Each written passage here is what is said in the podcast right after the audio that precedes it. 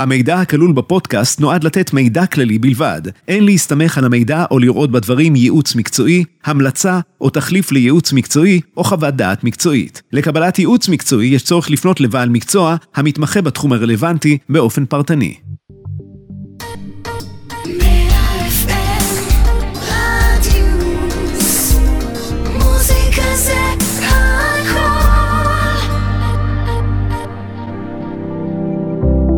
פרישה בקליק, פודקאסט ייעוץ פנסיוני ומדריך לפרישה נכונה, עם ליבת קמפלר ואלי יוניאן. שלום לכם, חברים, שמחים שהצטרפתם אלינו לפרק נוסף של פרישה בקליק, פודקאסט ייעוץ בנושא פרישה נכונה לגיל השלישי, שמטרתו לסייע לכם או להורים שלכם לא לצאת פראיירים עם ההגעה לגיל פנסיה. אני אלי יוניאן, סוכן ביטוח, מתכנן פרישה, הייתי מנהל במספר סוכנויות ביטוח ובחברות ביטוח, ואיתי ליבת קמפלר, שלום, השותפה שלי. כיף לחזור, כיף לחזור, אני קמפלר ליבת, אני יועצת מס, יועצת פרישה, CFP, אה, סוכנת ביטוח, מומחית פנסיוני כבר מעל 20 שנה, כיף לי לחזור לפה, כיף לי להמשיך ולהעניק מהידע שלי למאזינים. אז בפודקאסט בעצם נדון על כל מיני מקרים שרלוונטיים לכולנו. יכולים לשנות לכם, להורים שלכם משמעותית ומהותית את הפרישה או את ההליך של הפרישה לקראת גיל הפנסיה או בפנסיה. אנחנו ננתח כל מיני מקרים, ניתן פה כל מיני כלים פרקטיים וטיפים אה, איך נערכים בצורה נכונה, מה עושים, איך אפשר לעשות את זה בצורה עצמאית, בעיקר מהזווית הכלכלית ולא רק. אבל באמת לא רק, כפי שליבת מדגישה. אנחנו מאוד הוליסטים, כן. אתם יכולים להאזין לנו באפליקציה, באתר רדיוס 100 FM וגם בספוטיפיי, באפל פודקאסט, גוגל פודקאסט, חפשו פרישה בקליק. היום נדבר על שני מוצרים שישנם בשוק, ותיקים, אחד הפנסיה ותיקה והשנייה זה פנסיה תקציבית. זה בעצם אה, המשך של הפודקאסט הקודם. נכון אז מאוד. אז הסברנו מה זה דרך המסלקה הפנסיונית ואיך אנחנו מוצאים. אז ליבת, דיברת בפעם הקודמת, דיברנו בפעם הקודמת על קרנות הפנסיה באופן כללי, תגידי לי מה ההבדל בין זה לבין פנסיה ותיקה. אז אני רוצה רק שנייה לחזור אחורה ולדבר שוב, לחזור למסלקה ולהגיד, במסלקה הפנסיונית, את הפנסיה הוותיקה אנחנו נוכל למצוא. אבל מה אנחנו לא נמצא שם? את הפנסיה התקציבית. מה זה בעצם פנסיה תקציבית? אנחנו נתחיל מזה. כי פנסיה תקציבית היא איזשהו מונח מאוד אמורפי.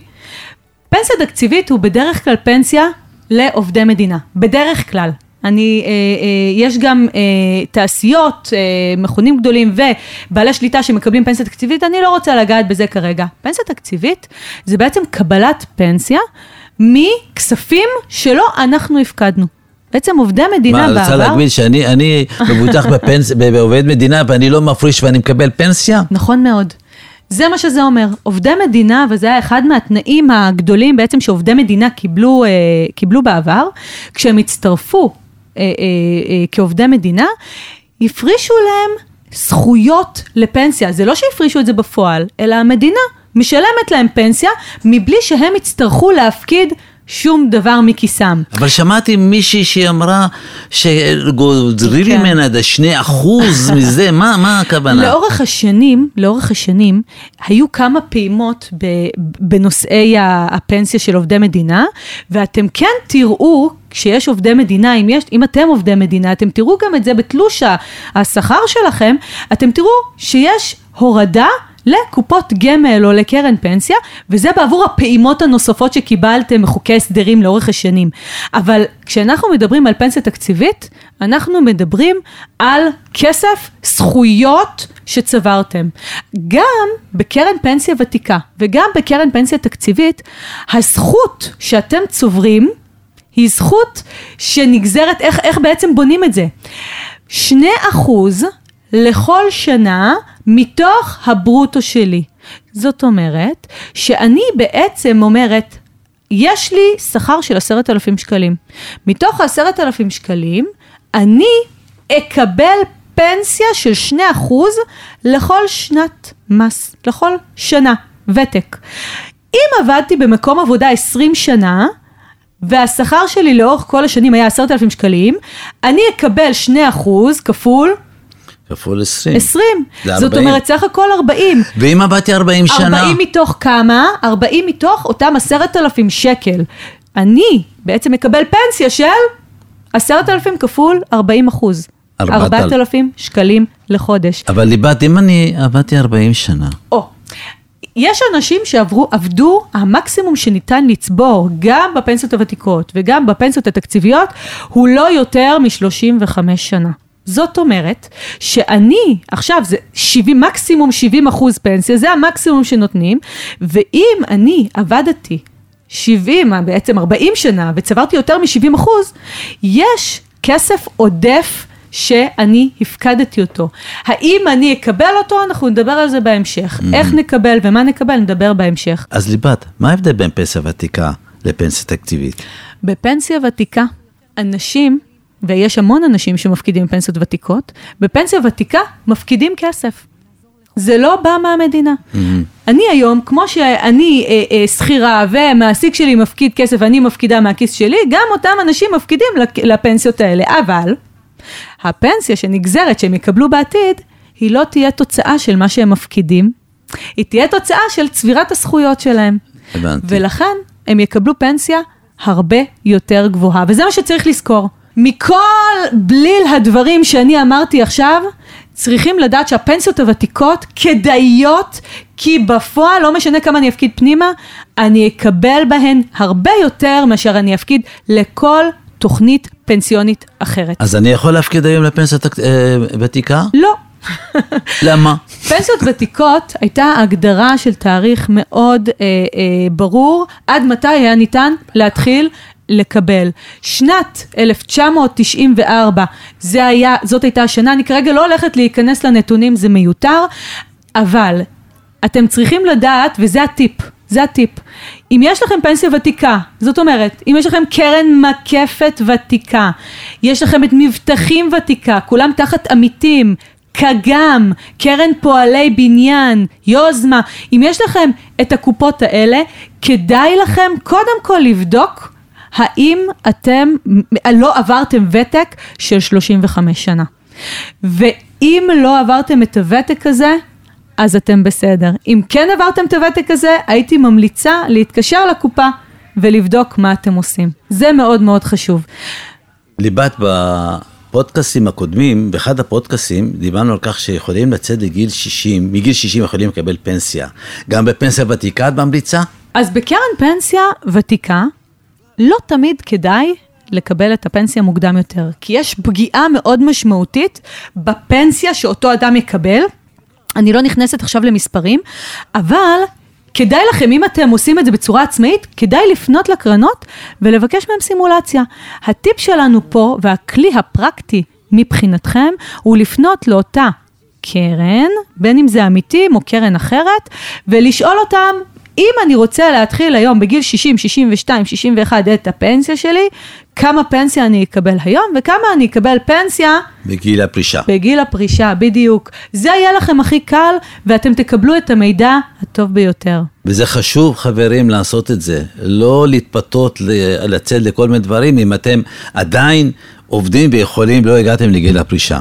למרות שהאופציה קיימת, אתם קיימת. תיפגעו בצורה משמעותית.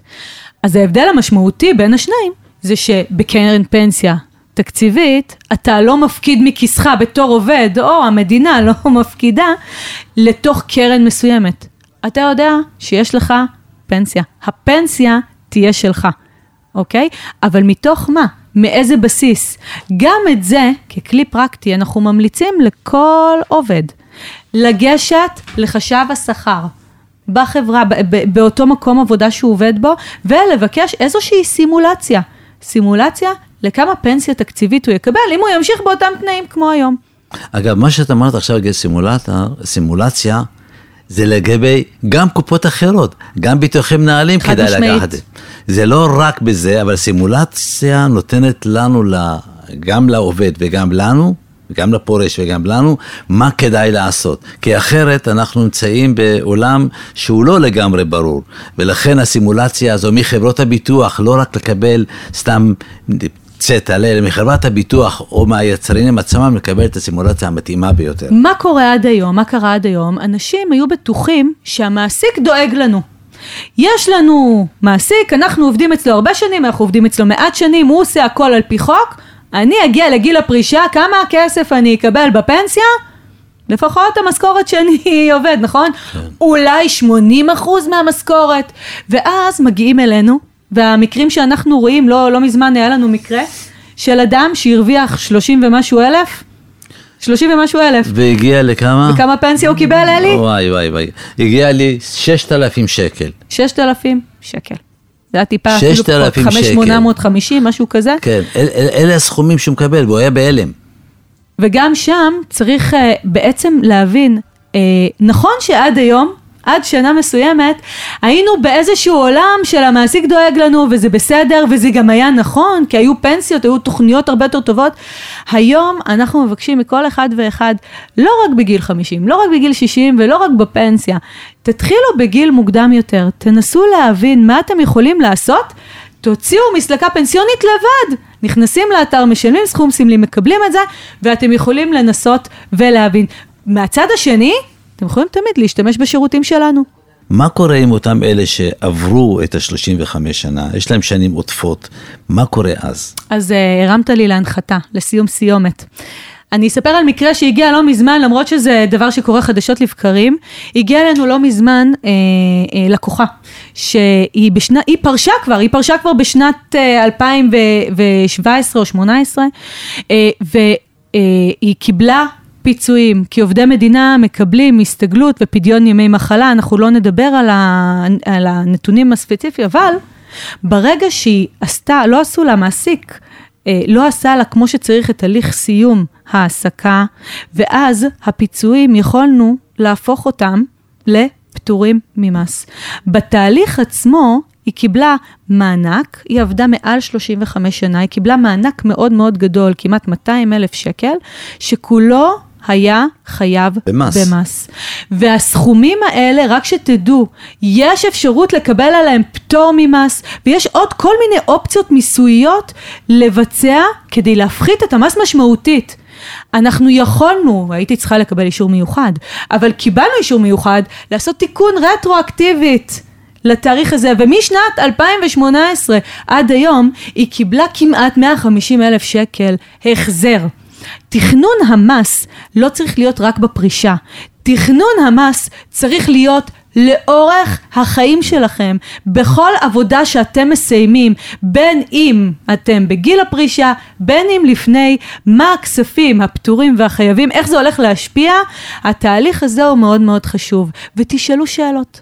תשאלו שאלות, כי מעצם התהליך הזה, פטור על הפנסיה, עבדה מעל 35 שנה, קיבלה משהו שנקרא, שאנשים לא כל כך מכירים את המושג, מענק שנים עודפות מעבר ל-35 שנה, יש מה לעשות עם זה. אז אנחנו יכולים להגיד לכם, יכולים להבטיח לכם, שאם אתם תפנו, בין אם בצורה עצמאית, בין אם ליועץ עצמאי, חיצוני, יועץ פרישה, יש לכם את האופציה להחזיר את הכסף הזה חזרה. עד כאן הפרק הזה של פרישה בקליק. תודה רבה לכם שהייתם איתנו. תודה לך, אלי. תודה לך, ליבת. אנחנו מזמינים אתכם להאזין לפרקים נוספים במגוון הפלטפורמות של רדיוס 100 FM, באפליקציה, באתר, בספוטיפיי, באפל פודקאסט ובגוגל פודקאסט. אנחנו מעדכנים בפייסבוק ובאינסטגרם של רדיוס 100 FM כשעולה פרק חדש, אתם מוזמנים לעקוב. המידע מאוד מאוד חשוב לכולנו, כדאי להקשיב לשמוע. תיקחו את הכלים, תיקחו את הטיפים, אנחנו רוצים שכולם ישלמו פחות מס. תודה. תודה לצוות שלנו, תודה, תודה לך ליבת. תודה לך. ונתראה בפרק הבא של פרישה בקליק. פרישה בקליק, פודקאסט ייעוץ פנסיוני ומדריך לפרישה נכונה, עם ליבת קמפלר ואלי יוניאן.